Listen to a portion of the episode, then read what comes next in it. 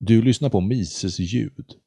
Idag artikeln Människans spridning till världens alla hörn. Del 2 av 2. Författare Hans Hermann Hoppe. Svensk översättning av Jesper Bleke. Publicerades på mises.se 10 oktober 2021. Äntligen anländer vi till ett av de stora genombrotten i människans utveckling.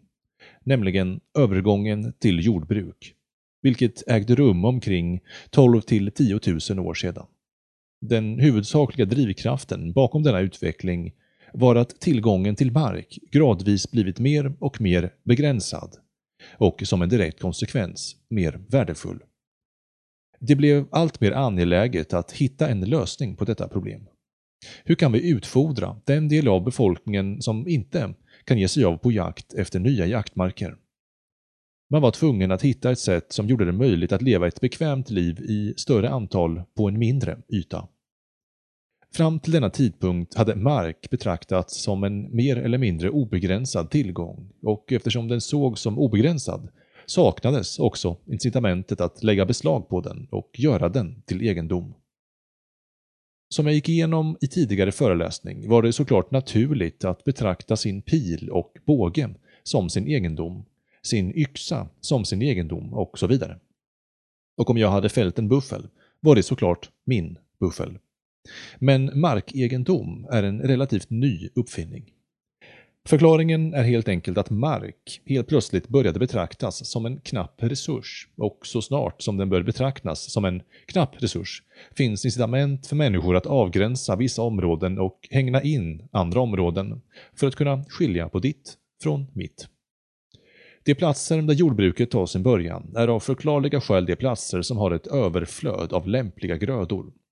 Vildmajs, vildvete, vild råg och så vidare.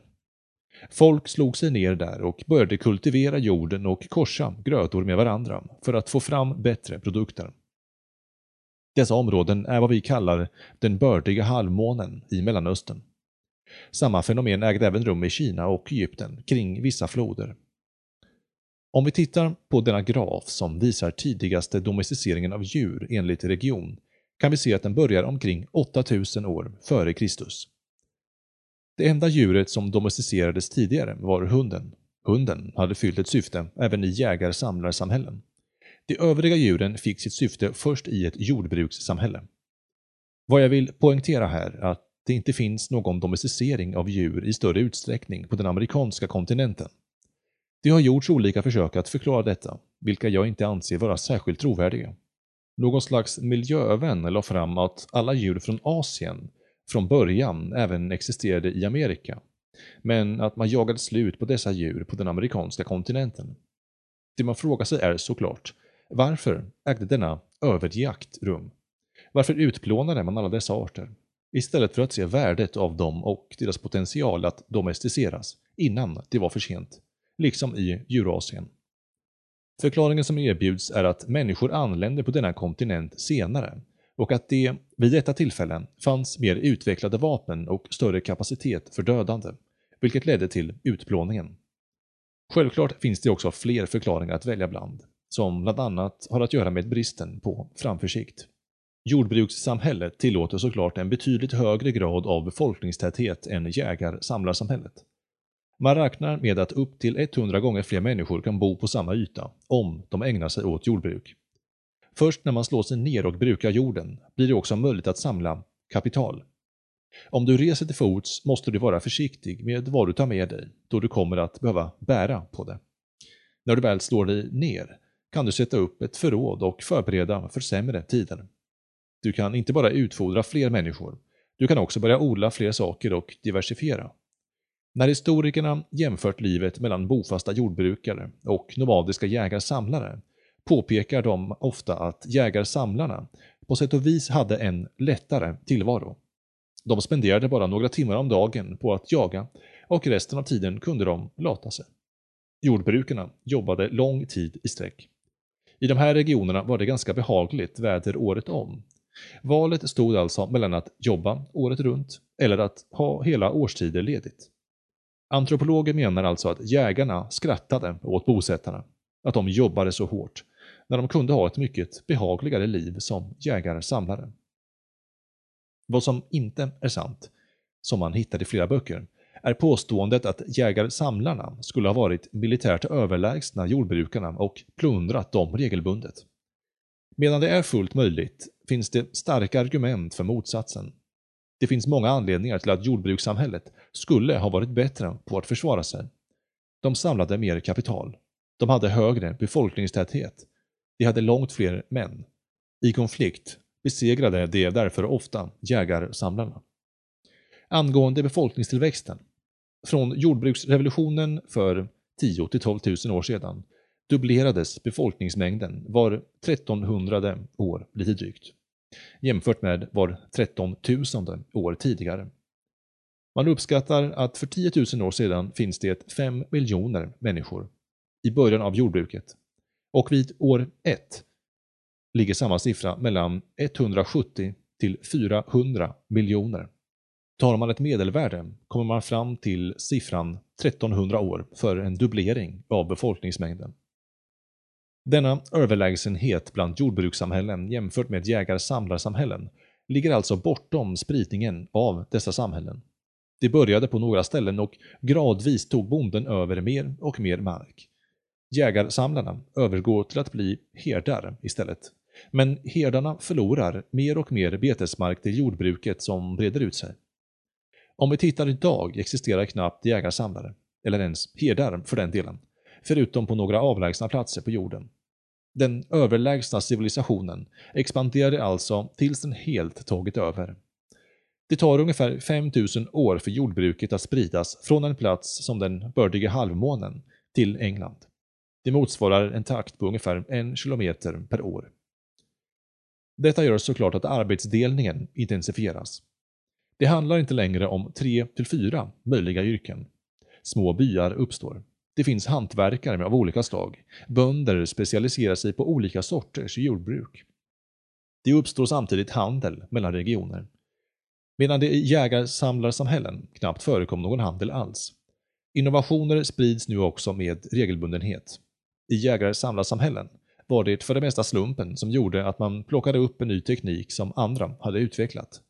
När man nu bodde grannar med varandra och var integrerade med varandra genom arbetsdelningen spreds kunskap på ett sätt som det inte hade gjorts tidigare. Det som utvecklats på en plats kommer förr eller senare spridas även till andra platser, om det råkar vara användbart. Och riktningen var såklart från civilisationens mitt, flodkulturerna, till utkanterna, där vildarna fanns. Det blir också mer sällsynt att arbetsdelningen faller samman, att kunskap helt enkelt glöms bort. Så länge kontakten finns kvar och befolkningsmängden ökar, ökar samtidigt specialiseringen och innovationer sprids från plats till plats. Den tidigare processen där språk tenderade att brytas upp i fler och fler olika språk stannar också av. Det finns nu incitament att lära sig språket i närliggande regioner då man idkade handel. Jag avslutar denna föreläsning med två citat från Mises. Det första citatet kan nog bara förstås i full utsträckning i nästa föreläsning. I det försöker Mises förklara varför det finns en tendens hos människan att utöka och intensifiera arbetsdelningen. Att specialisera sig mer och mer och ägna sig åt en specifik uppgift.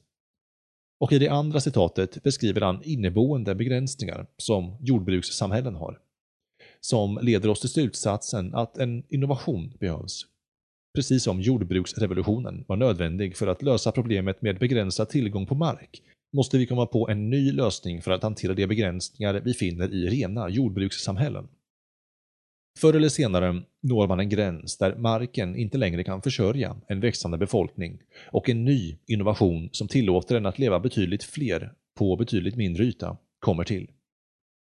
I det första citatet gällande samhällets utveckling säger han citat det enklaste sättet att gestalta samhällets evolution är att visa skillnaden mellan två evolutionära tendenser, som är relaterade på samma sätt som avsikt och utvidgning. Samhällen utvecklades subjektivt och objektivt. Subjektivt genom att utöka sitt antal. Vi har sett detta med befolkningsmängden från jordbruksrevolutionen och framåt och objektivt genom att utöka målen med mänskliga aktiviteter. Långt fler mål blir möjliga i ett jordbrukssamhälle. Vi bygger hus och verktyg, etc. Från början begränsade till de minsta tänkbara grupper och omedelbara grannar blir arbetsdelningen gradvis mer generell tills den till slut innefattar hela mänskligheten. Denna process, vilken ännu är långt ifrån fullbordad och aldrig i mänsklighetens historia fullbordats, är ändlig. När hela jordens befolkning ingår i ett system av arbetsdelning kommer den att vara fullbordad. Intensifieringsprocessen går hand i hand med denna förlängning av de sociala banden. Handlingar med fler och fler mål och saker vi gör för vår egen konsumtion blir allt färre. Det säger sig självt att denna process förr eller senare kommer att omfatta all produktiv aktivitet. Utvecklingen pekar i denna riktning. Slutcitat. Här är ett annat intressant citat angående jordbrukande samhällens begränsningar. Citat. Vi kan föreställa oss ett samhälle bestående av jordbrukare, i vilket varje invånare brukar en bit mark stor nog att försörja han själv och hans familj. Undantaget är ett fåtal specialister. Hantverkare, smeder och läkare. Vi kan även anta att vissa män inte äger mark utan brukar andras mark. Arbetsgivaren belönar honom för hans insats och tar hand om honom när sjukdom eller ålder gör att han inte längre kan arbeta. Detta upplägg utgjorde grunden för många utopier. Det har realiserats vid vissa tidpunkter i vissa samhällen. Det som kom närmast var förmodligen samväldet etablerat av jesuitpräster i vad som nu är Paraguay. Det finns dock ingen anledning att analysera värdet av att ha ett sådant samhällssystem. Historiens utveckling har krossat det. Det är för smalt för att bibehålla det antal människor som idag lever på jordens yta. Den inbyggda svagheten i ett sådant samhälle är att varje ökning i befolkningsmängden måste resultera i en ökning i fattigdom. Om en avliden bondes egendomar fördelas mellan dennes barn blir egendomen snart så liten att den inte kan försörja en familj. Alla är markägare, men alla är samtidigt extremt fattiga. Omständigheterna i stora delar av Kina visar på eländet som uppdelningen i små jordstycken leder till. Alternativet till detta är uppkomsten av ett stort antal proletärer utan mark. En vid klyfta separerar de arvslösa, jordlösa, från de lyckligt lottade jordbrukarna. Det är en utstött massa vars själva existens utgörs av ett olösligt problem. De söker förgäves efter levebröd, men samhället har ingen användning för dem.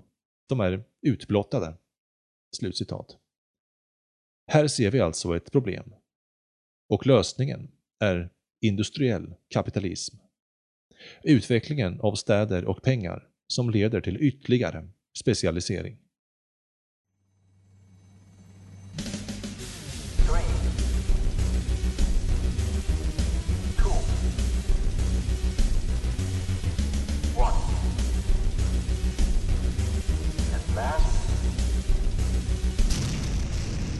your trusted politics?